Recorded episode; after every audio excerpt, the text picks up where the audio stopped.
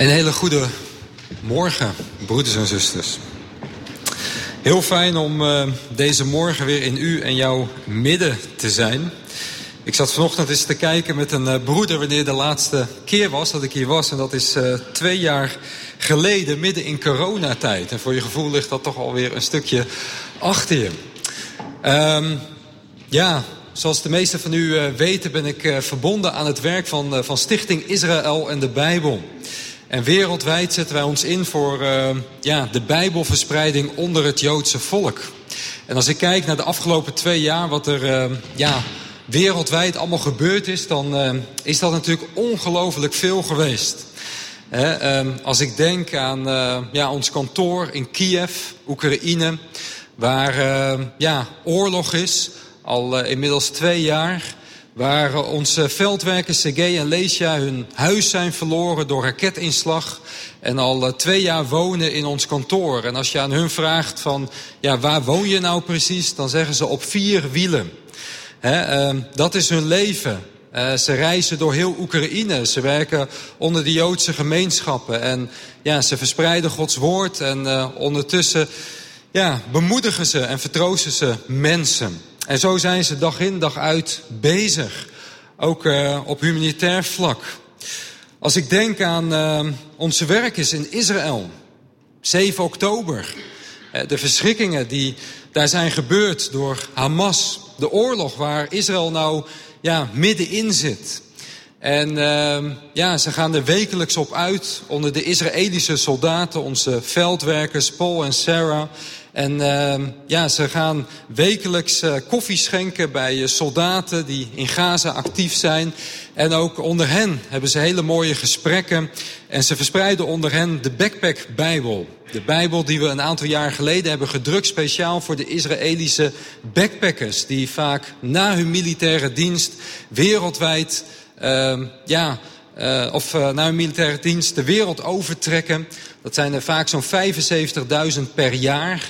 En uh, ja, als je 18 jaar bent, hè, dan moet je in Israël het leger in. Als jongen minimaal drie jaar, als uh, meisje, als vrouw twee jaar. En dan moet je dus nagaan dat je 18, 19, 20 jaar bent en dat je nu dus in Gaza zit en elke dag vrees voor je leven. Ze zeggen wel eens, elke generatie in Israël is een oorlogsgeneratie. En uh, ja, velen die uh, na hun militaire dienst dus backpackend de wereld over te, overtrekken... op zoek naar rust en vrede voor hun hart. En velen die ja, vaak volledig verstrikt raken in de Oosterse religies... maar ook in drugsgebruik. 50.000 van hen gaan naar India. 90% gaat experimenteren met drugs en raakt het spoor volledig bijster. Um, als je 18 jaar bent, kom je voor hele grote ethische vraagstukken te staan. Dus laten we ook blijven bidden, ook voor het Joodse volk. En misschien in bijzonder juist ook voor deze Israëlische soldaten. Maar laten we alsjeblieft ook blijven bidden, ook voor de Palestijnse bevolking. Als je kijkt hoeveel onschuldig bloed ook onder hen vergoten wordt, dat is verschrikkelijk. Ik moet uh, denken aan een van de projecten in, uh, in Israël. Er is een bijbelschool in Natanja. En ik vind het zo mooi dat uh, Jood en Arabier daar samen studeren. En hoe hebben ze elkaar gevonden in de Heer Jezus Christus? Daar ligt uiteindelijk de verzoening. En uh, ja, dat is ook onze geweldige hoop. Dat op een dag hij zal terugkeren naar deze aarde. En dat er werkelijk verzoening zal komen, ook in het Midden-Oosten. Goed, ik wil u, ik wil jou vanmorgen meenemen. Um, ja, vanochtend uh, zijn de kinderen opgedragen. En een uh, geschiedenis die ik altijd wel heel erg mooi vind, dat is uh, in Lucas 2 de twaalfjarige Jezus die naar de tempel gaat. Laten we dat met elkaar opzoeken, Lucas 2. En dan zullen we met elkaar lezen de versen 41 tot en met 52. Waar we ja, die bijzondere geschiedenis vinden van de heer Jezus... die op twaalfjarige leeftijd met zijn ouders naar de tempel gaat. Lucas 2 en dan vanaf vers 41.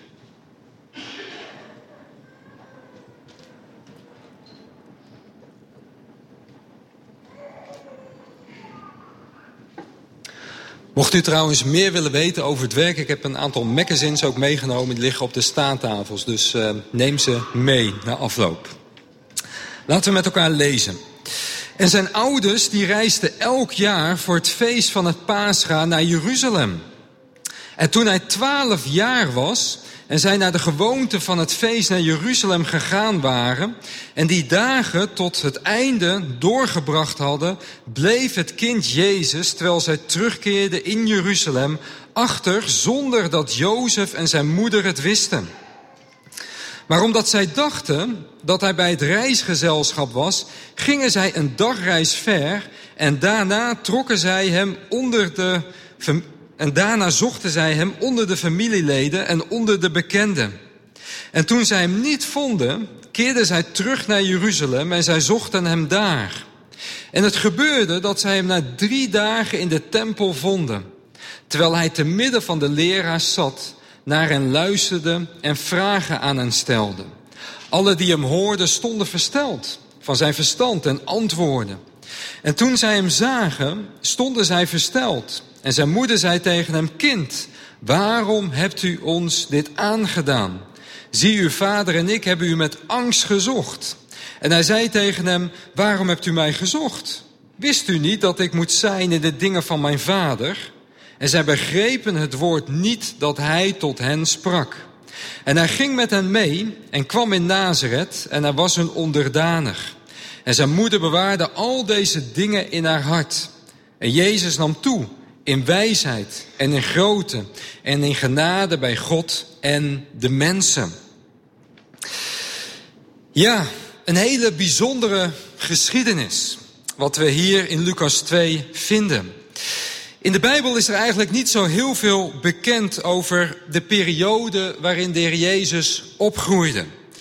De meeste informatie die we ja, in het Nieuwe Testament kunnen vinden over de Heer Jezus, dat gaat over zijn openbare bediening die plaatsvond van zijn dertigste levensjaar tot ongeveer zijn 33ste leeftijd. Daarnaast vinden we natuurlijk wel het een en ander beschreven over zijn geboorte. Maar in die periode tussen zijn geboorte en zijn openbare bediening is dus vrij weinig opgetekend. Ja, deze geschiedenis die we hier in Lucas 2 vinden. Verder lezen we, en als u uw Bijbel bij u heeft, ook in vers 40, hè, dat de Heer Jezus als kind werd gesterkt in de geest en vervuld met wijsheid en de genade van God was op hem. Nou, dat de Heer Jezus vervuld was met goddelijke wijsheid. Ja, dat blijkt ook wel uit deze geschiedenis die we vanmorgen met elkaar bestuderen. Waar de Jezus als twaalfjarige jongen ja, de leraren in de tempel ondervraagt. En ze staan versteld van zijn kennis. Ze zijn onder de indruk van hem. Um, verder wat we nog meer weten over de Jezus is dat hij een zoon van een timmerman was. Jozef, zijn vader, was een timmerman. Nou, dit hoeft niet zoveel over de Jezus zelf te zeggen natuurlijk.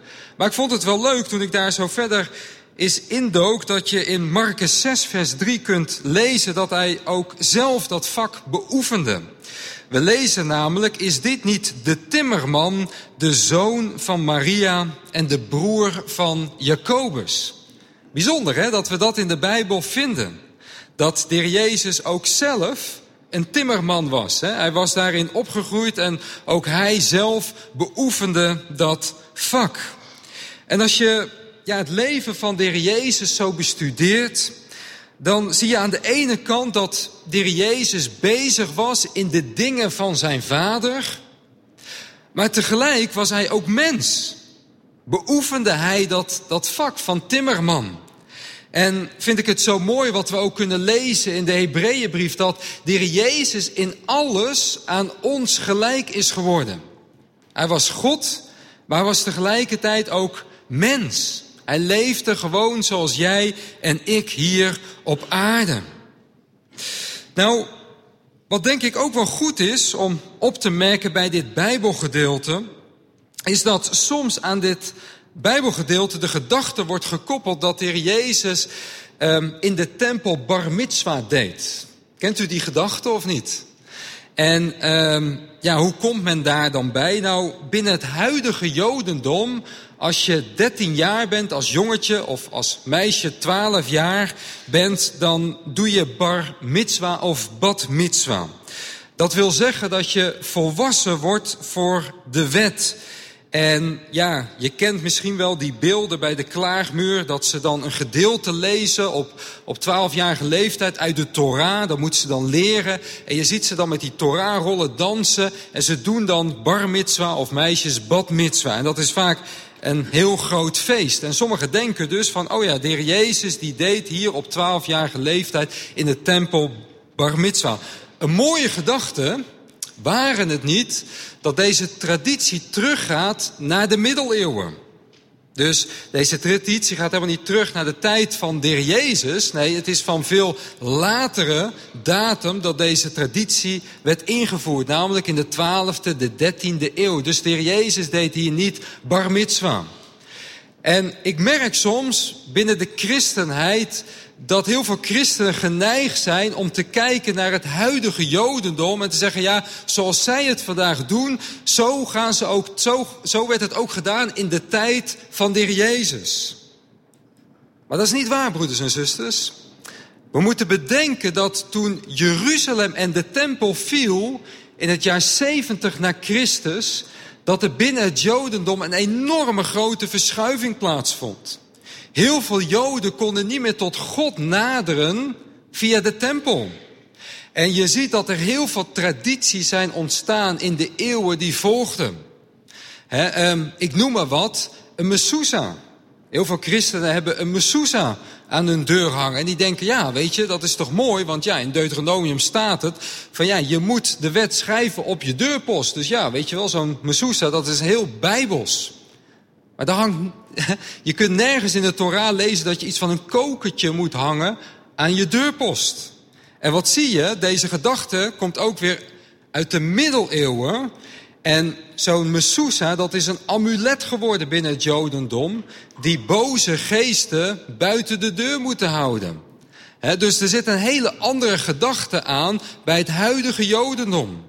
En als je zo'n kokertje opent, dan zie je ook twee engelen daarboven staan die dan jouw huis zouden moeten bewaren voor boze geesten van buitenaf. Iets wat wij natuurlijk niet geloven, maar dat is een traditie wat het Jodendom is ingeslopen. Dus als we zo'n geschiedenis bestuderen, dan moeten we uitkijken om niet direct naar het huidige Jodendom te kijken, maar ook ons ervan bewust zijn dat er een hele grote verschuiving heeft plaatsgevonden als je teruggaat naar de Joodse wortels, dan moet je teruggaan naar het woord van God. Dat is terug naar de Joodse wortels. En dan moet je vanuit het woord gaan, van God gaan kijken naar het plan van God, wat hij heeft met zijn volk Israël.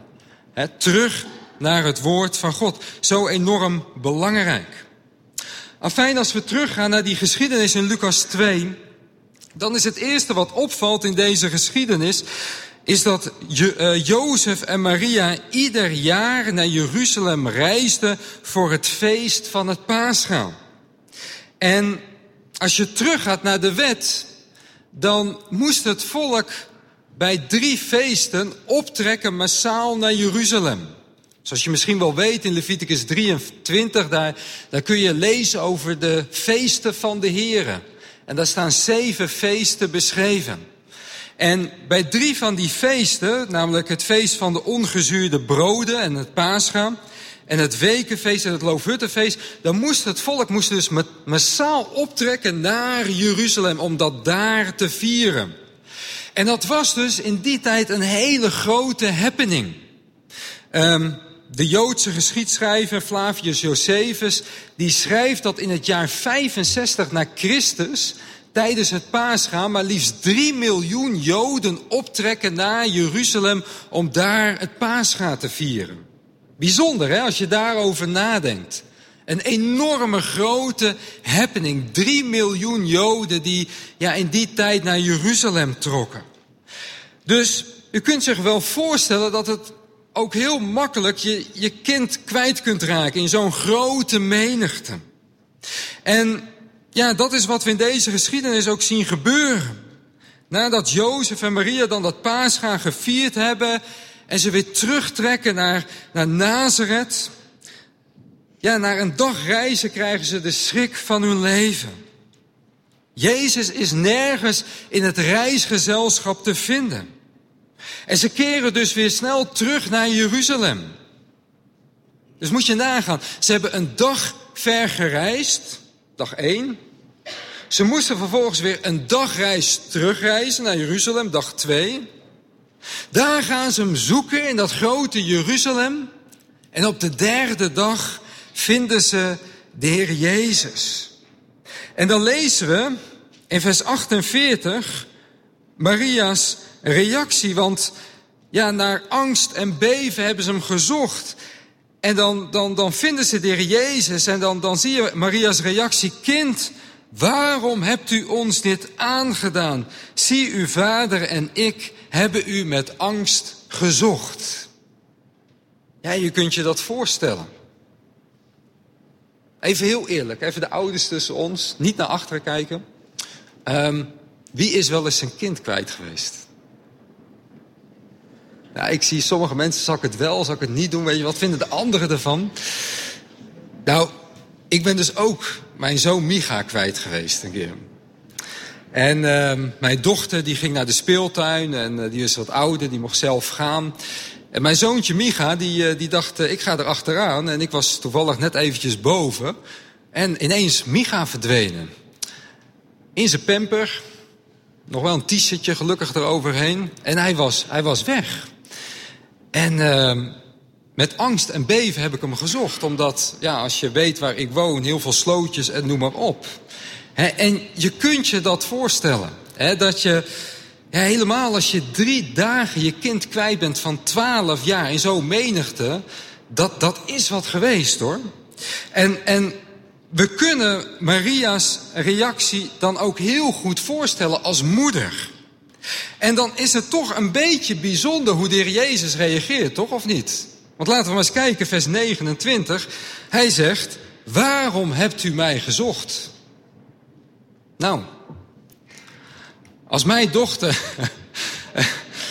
drie dagen weg is en ik krijg dat als reactie, ik denk dat het uh, wel eventjes uh, wat met mij doet.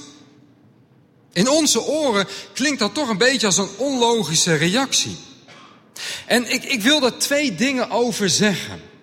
Het eerste wat ik zo enorm bijzonder vind in dit gedeelte, is dat Lucas als schrijver van het evangelie benadrukt dat de Heer Jezus niet opstandig was of ongehoorzaam. Dat kun je namelijk denken als je zo'n reactie leest van nou, de heer Jezus was best wel opstandig kind. Maar ik vind het zo mooi dat we dan lezen in vers 51 dat hij gewoon met zijn ouders meeging naar Nazareth en hij was hun onderdanig. Mooi hè? Van die kleine details, van die kleine kenmerken. Met andere woorden, de heer Jezus was ondanks dat hij de zoon van God was, de Messias van Israël, zijn ouders onderdanig. En dat vind ik zo enorm mooi. En ik denk, en er zitten vanochtend ook heel veel kinderen in de zaal. Ik denk dat dat ook een hele belangrijke les is als kinderen. Dat je je ouders onderdanig bent. In de wet staat dat al geschreven, hè, dat je je ouders moet gehoorzamen. En in de tijd van Mozes staat er zelfs bij dat je dagen verlengd werden. Dat was een van de zegeningen. Bijzonder als je daarover nadenkt. Maar ik denk als kind hè, dat God van jou verlangt dat je respect, ontzag hebt voor je ouders. En als ik kijk naar de maatschappij waarin wij ja, vandaag de dag leven, dan zie je dat ja, kinderen een steeds grotere mond hebben tegen hun ouders. Ik heb zo'n striptekening, mijn, mijn zus die, is, die staat voor de klas. En, en, en de tijd is veranderd. Hè? Vroeger dan, dan, als je een slecht rapport had, dan, dan ging je naar je kind toe en dan zei je, hoe kan het dat jij een drie hebt gehaald? Tegenwoordig gaan ouders naar, naar, naar, ja, naar de leerkracht toe en die zegt, jij moet ervoor zorgen dat er van een drie en acht komt, weet je wel? Het is helemaal andersom in de tijd waarin wij leven. Maar ik denk dat een van de principes die we ook hieruit kunnen leren, dat het belangrijk is om je ouders ja, onderdanig te zijn, om respect, ontzag te hebben. Dat betekent niet dat je nooit eens boos mag zijn tegen je ouders. Begrijp je niet verkeerd vanochtend. Natuurlijk mag je ook boos zijn tegen je ouders. Maar de basisprincipe is dat je ontzag, respect hebt voor hen. Ook als je ouders ouder worden. Ook als ze op een gegeven moment hulpbehoevend worden. En ook jij ouder wordt, dat je respect blijft houden voor je ouders. Dat je geduld hebt. Belangrijk. Um, we gaan weer terug naar die geschiedenis. Het eerste, nogmaals, wat ik mooi vind, is dat de Heer Jezus dus niet opstandig was. Nee, hij was zijn ouders onderdanig. Het tweede wat ik erover wil zeggen, is dat het ook belangrijk is om dat zinnetje daarna te lezen. Want dan staat er, waarom hebt u mij gezocht? Maar dan gaat het verder in vers 49. Wist u niet dat ik moet zijn in de dingen van mijn vader? Kijk, Jozef en Maria die bekeken de situatie vanuit hun menselijke kant. Het was heel logisch hoe zij reageerden. Maar de heer Jezus die bekeek de dingen, hoe jong hij ook was, twaalf jaar, hij bekeek de dingen vanuit een goddelijke kant. Hij was namelijk op de plaats waar zijn vader hem wilde hebben. In de tempel. En daar was hij bezig in de dingen van zijn vader. Daar was hij als zoon van God toegeroepen. Daar moest hij zijn. En ik moet in dit verband ook denken aan Psalm 40, waar we lezen over de Heer Jezus, een hele mooie profetie. Zie, ik kom, in, in de boekrol is over mij geschreven. Ik vind er vreugde in, mijn God, om uw welbehagen te doen. Uw wet draag ik diep in mijn binnenste. En hier zat de Heer Jezus, in de tempel, te midden van de leraren. Hij moest bezig zijn in de dingen van zijn vader. Daar was hij toe geroepen. En daar zat hij.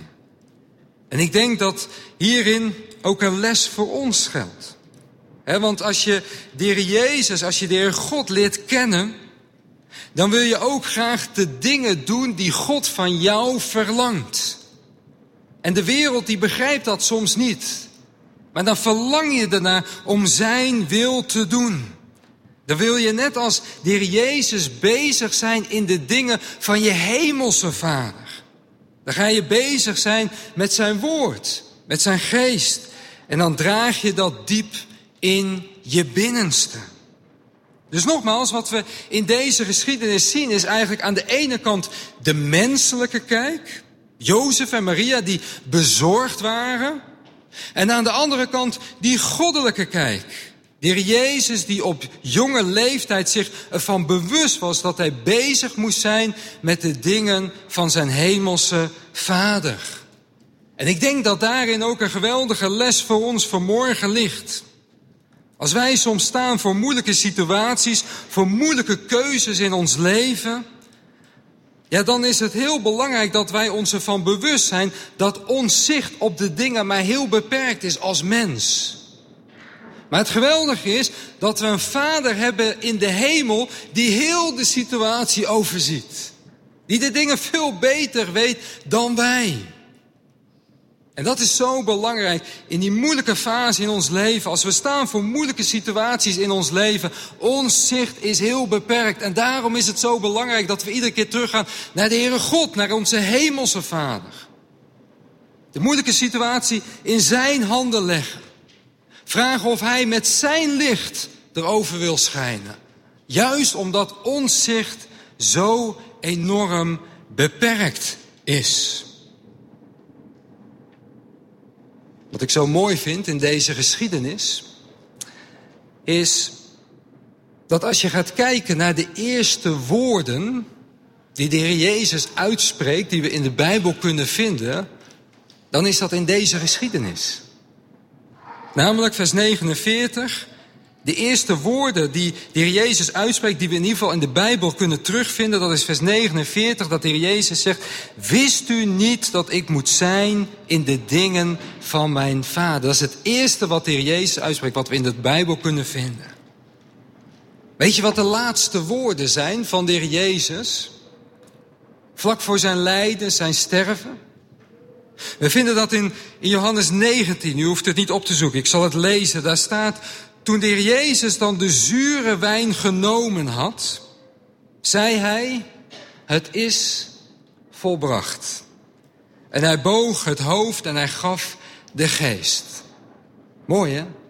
Hij had alles gedaan wat de Vader van hem verlangde.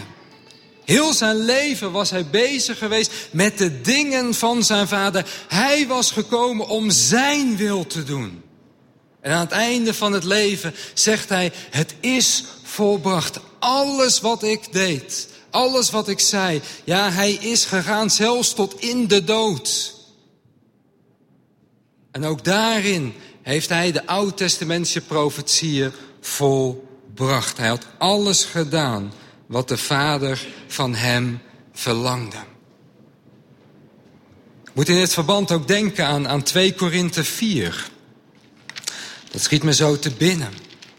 En weet u, ik, ik, ik hoop dat we dat aan het einde van ons leven ook, kunnen, kunnen zeggen. Dat vind ik zo mooi wat Paulus daar schrijft in 2 Korinthe 4.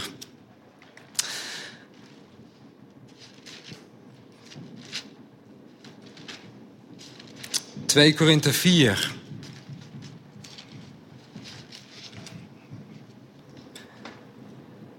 Nee, ik ben even het gedeelte kwijt. Ik moet denken aan wat Paulus ook zegt. Nee, het staat in uh, 2 Timotheus uh, 4 dat hij dan zegt... ik heb de goede strijd gestreden.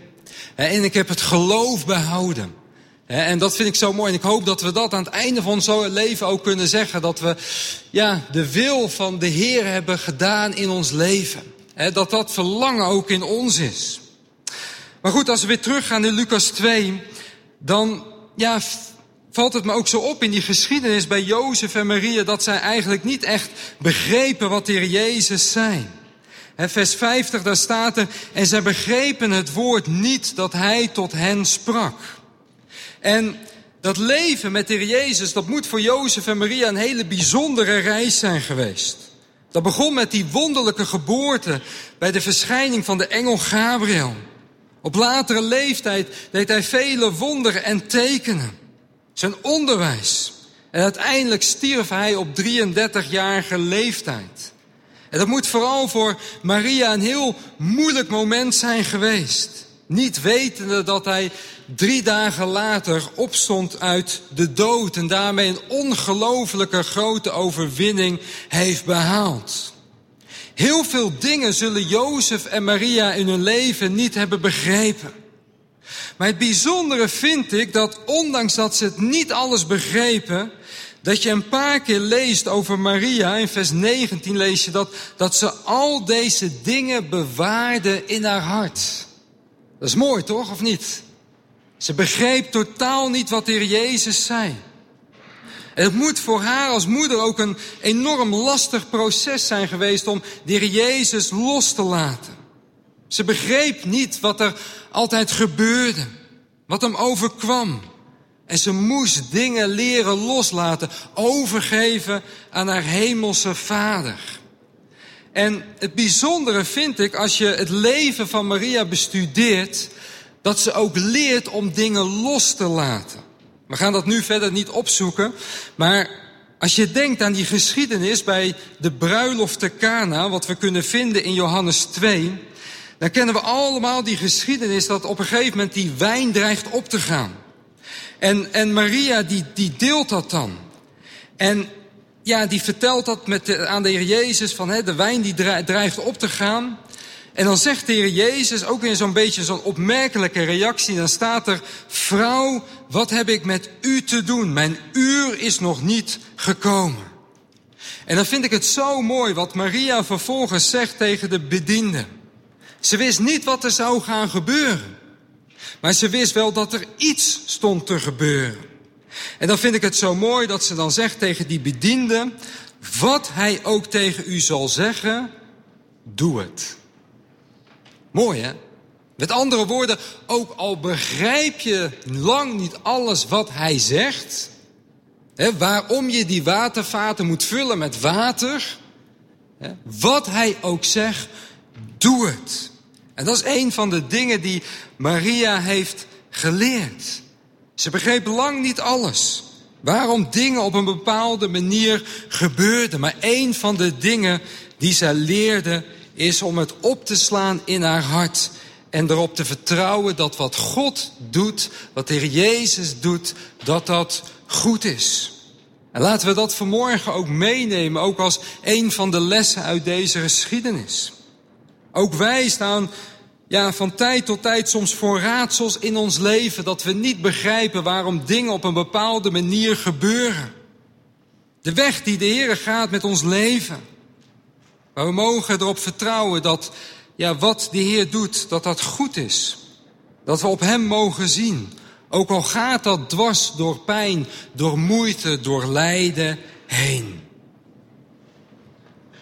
Ja, als we teruggaan naar Lucas 2, dan zit de Heer Jezus daar te midden van de leraren in de tempel. En wat mij ook zo opvalt in deze geschiedenis is dat er dan staat in vers 47, allen die hem hoorden, die stonden versteld van zijn verstand en antwoorden. Ze waren diep onder de indruk van de twaalfjarige Jezus. De grote vraag was alleen, wat, wat deden de schriftgeleerden, wat deden de fariseeën met dat onderwijs, met de heer Jezus? Hier in Lucas 2 staan ze nog versteld van zijn kennis. Ze zijn onder de indruk van hem.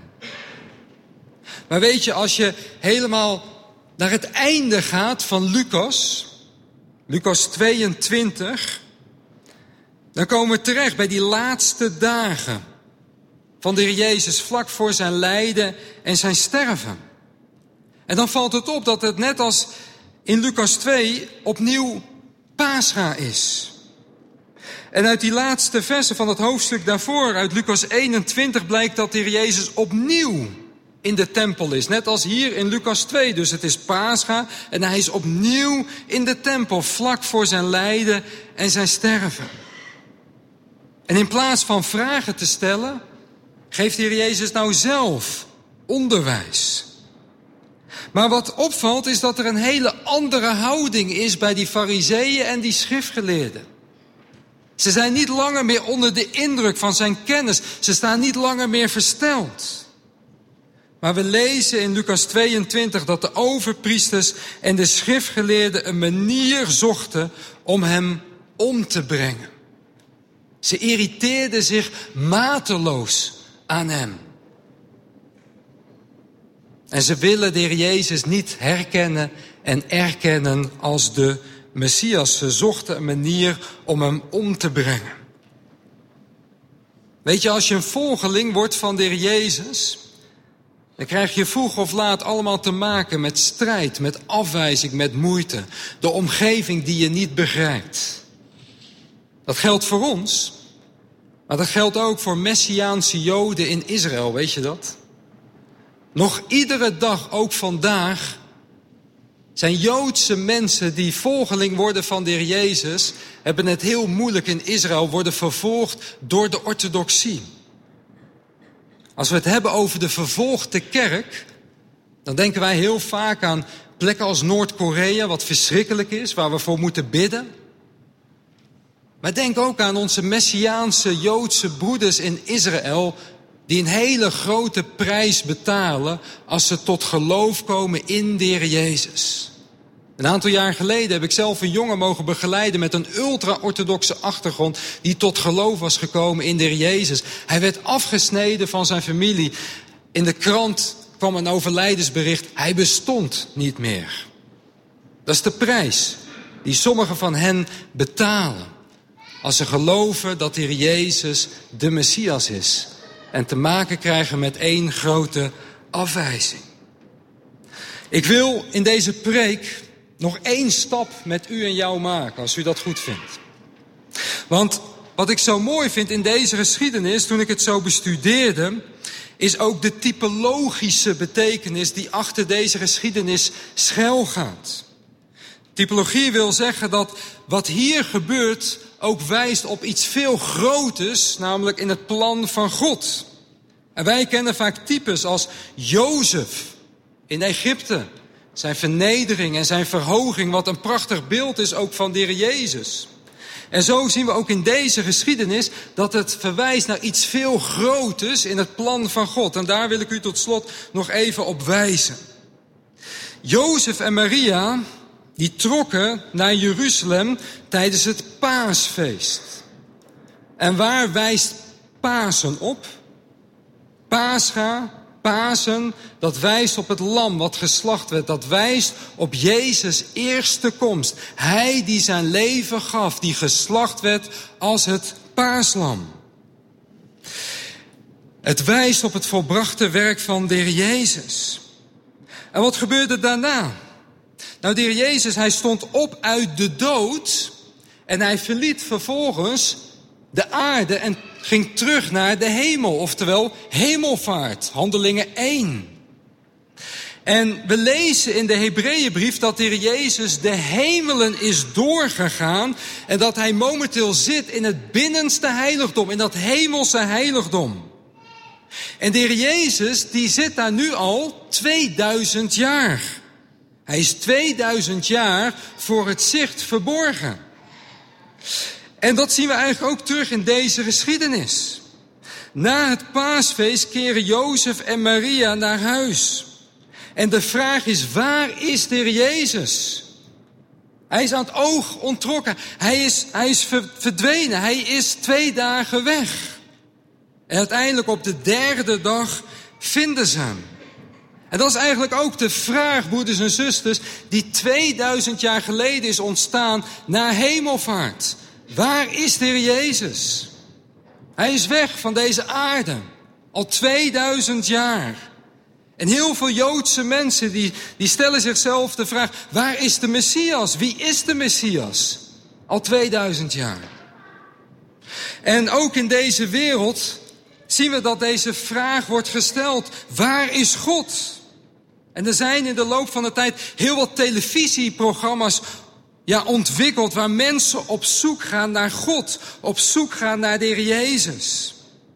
De grote vraag is alleen, waar zoek je Hem? De Jezus laat zich in onze dagen namelijk niet zomaar vinden. Mensen zoeken de Jezus in van alles en nog wat. Maar de Jezus is eigenlijk na hemelvaart verborgen voor het oog. Hij is weg. Hij is hier niet op deze aarde, fysiek. Waar is hij? Hij is in dat hemelse heiligdom. Al 2000 jaar. En God werkt in onze dagen in het verborgene. En als je hem zoekt, dan moet je hem goed zoeken, namelijk in zijn woord. Daar is hij te vinden, want hier op deze aarde ga je hem in die zin niet vinden.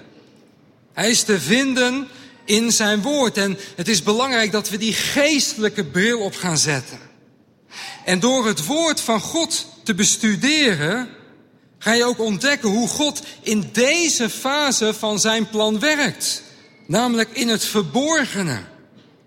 En dan weet je dat je de dingen moet zoeken niet hier op aarde, maar in de hemel. Dat is wat Paulus ons leert. Ons hemelburgerschap.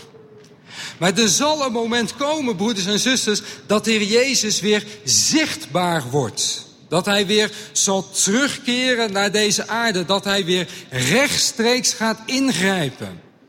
Dan kom je onder andere in het Bijbelboek Openbaring. En weet je wat ik zo mooi vind? Dan staat er in vers 46 dat de Heer Jezus te vinden is in de tempel, in het heiligdom. En hoe treffen ze hem daar aan? Hij zit. En je denkt, waar, waarom, waarom zit hij? Ja, hij zit daar te midden van de leraren. En als je dat trekt naar onze tijd, waar is de Jezus? In de hemel, in het heiligdom. Wat doet hij daar? Hij zit. Hij zit aan de rechterhand van de Vader al 2000 jaar. En zitten betekent van ruststand. Het werk is volbracht. Maar het bijzondere is dat de Heer Jezus in de toekomst zal gaan opstaan. En dat hij zal terugkeren naar deze aarde. Hij is nu nog voor het oog ontrokken. Hij is verborgen. Maar de Bijbel leert dat hij op de derde dag zal gaan opstaan.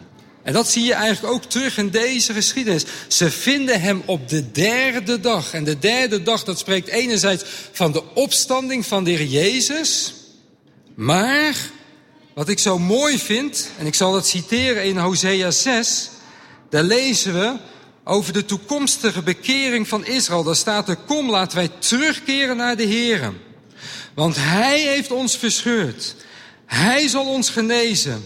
Hij heeft ons geslagen, maar Hij zal ons verbinden.